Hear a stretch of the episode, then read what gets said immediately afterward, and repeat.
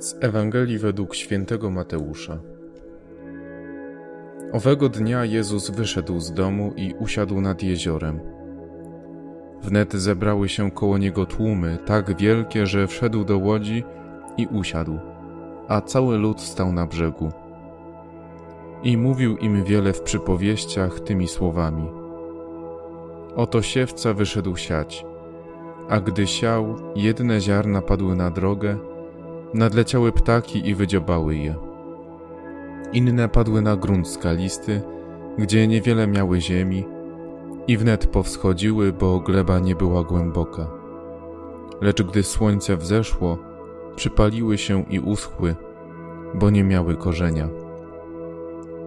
Inne znowu padły między ciernie, a ciernie wybujały i zagłuszyły je. Inne wreszcie padły na ziemię żyzną, i plon wydały. Jedne stokrotny, drugie sześćdziesięciokrotny, a inne trzydziestokrotny. Kto ma uszy, niechaj słucha. Przystąpili do niego uczniowie i zapytali: Dlaczego mówisz do nich w przypowieściach?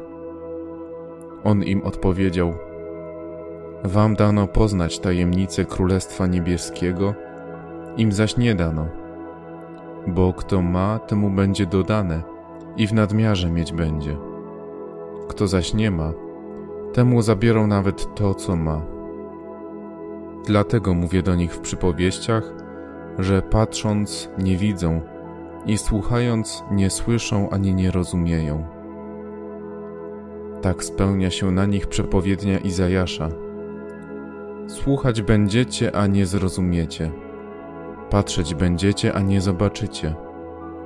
Bo stwardniało serce tego ludu, ich uszy stępiały i oczy swe zamknęli, żeby oczami nie widzieli, ani uszami nie słyszeli, ani swym sercem nie rozumieli i nie nawrócili się, abym ich uzdrowił. Lecz szczęśliwe oczy wasze, że widzą, i uszy wasze, że słyszą. Bo zaprawdę powiadam wam, Wielu proroków i sprawiedliwych pragnęło ujrzeć to, na co wy patrzycie, a nie ujrzeli, i usłyszeć to, co wy słyszycie, a nie usłyszeli. Wy zatem posłuchajcie przypowieści o siewcy. Do każdego, kto słucha słowa o królestwie, a nie rozumie go, przychodzi zły i porywa to, co zasiane jest w jego sercu.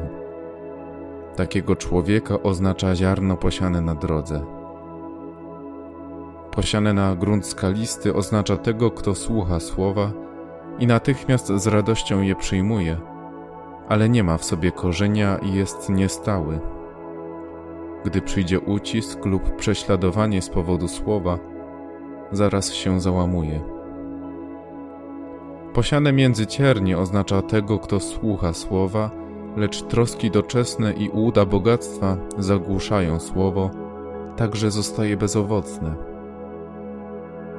Posiane wreszcie na ziemię żyzną oznacza tego, kto słucha słowa i rozumie je. On też wydaje plon. Jedne stokrotny, drugi sześćdziesięciokrotny, inny trzydziestokrotny.